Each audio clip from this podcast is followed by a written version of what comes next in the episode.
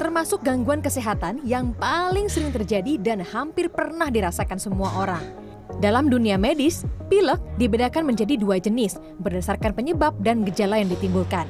Jenis pilek pertama adalah pilek flu yang disebabkan oleh infeksi virus atau bakteri yang umumnya disebabkan oleh kondisi musiman seperti musim flu ataupun tertular orang yang terkena flu.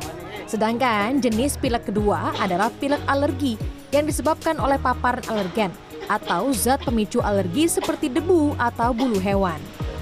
Mengenali jenis pilek menjadi penting dalam upaya menyembuhkan penderitanya dari penyakit gangguan saluran pernafasan ini sebab perbedaan jenis gejala pilek yang muncul akan berpengaruh besar dalam proses pengobatan hingga jenis obat yang akan digunakan. Untuk yang bakteri yang pasti kita akan memberikan suatu antibiotik ya.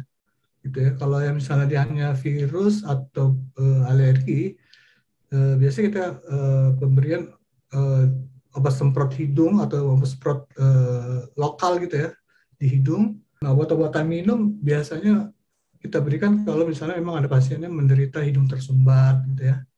Jadi gejala yang kita obatin bukan penyebabnya ya.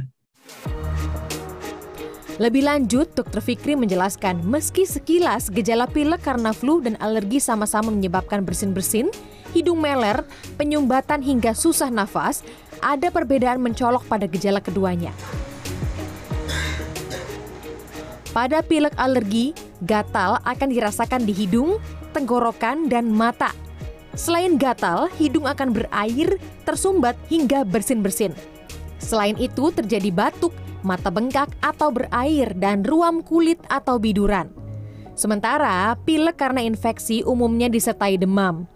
Pilek karena infeksi juga kerap menyebabkan nyeri tenggorokan, badan terasa pegal, meriang, bahkan ada yang hingga diare. Meski tidak semua orang mampu membedakan jenis pilek yang dideritanya, biasanya mereka telah memiliki cara sendiri untuk menangani gejala pilek yang muncul. Saat mengalami pilek, beberapa orang cenderung memilih memperbanyak istirahat hingga memperbanyak minum air putih. Sementara yang lain lebih memilih untuk mengkonsumsi obat-obatan agar segera sembuh. Hmm. Teh hangat dan juga istirahat yang cukup bisa setidaknya membantu mengurangi gejala pilek yang Anda alami.